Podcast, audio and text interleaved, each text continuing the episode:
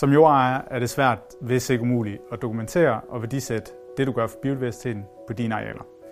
Heldigvis så er der hjælp på vej, for i projektet Landmark er Sikkes Innovation, Aarhus Universitet og Københavns Universitet ved at støbe det faglige fundament, som et nyt biodiversitetsværktøj inden for få år skal bygge på. I projektet vil der blive samlet faglige input til en række tiltag, hvor biodiversitetseffekten for hver tiltag vil blive vurderet ud fra den tilgængelige øh, viden.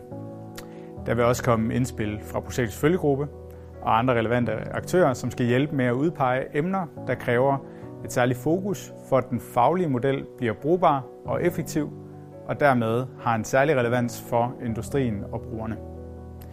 Følgegruppen skal blandt andet bidrage med retningslinjer, der skal gælde for brugen af modellen, og de her retningslinjer er afgørende for at beskytte mod misbrug af modellen. Øh, misbrug, som i sidste ende kan skade biodiversiteten og fremgangsmådens troværdighed. Når der så er styr på det faglige grundlag for effekten af de relevante tiltag, og når de relevante retningslinjer er blevet belyst, så står vi med en model, der kan sætte konkret værdi på effekten af en lang række biodiversitetstiltag, som f.eks.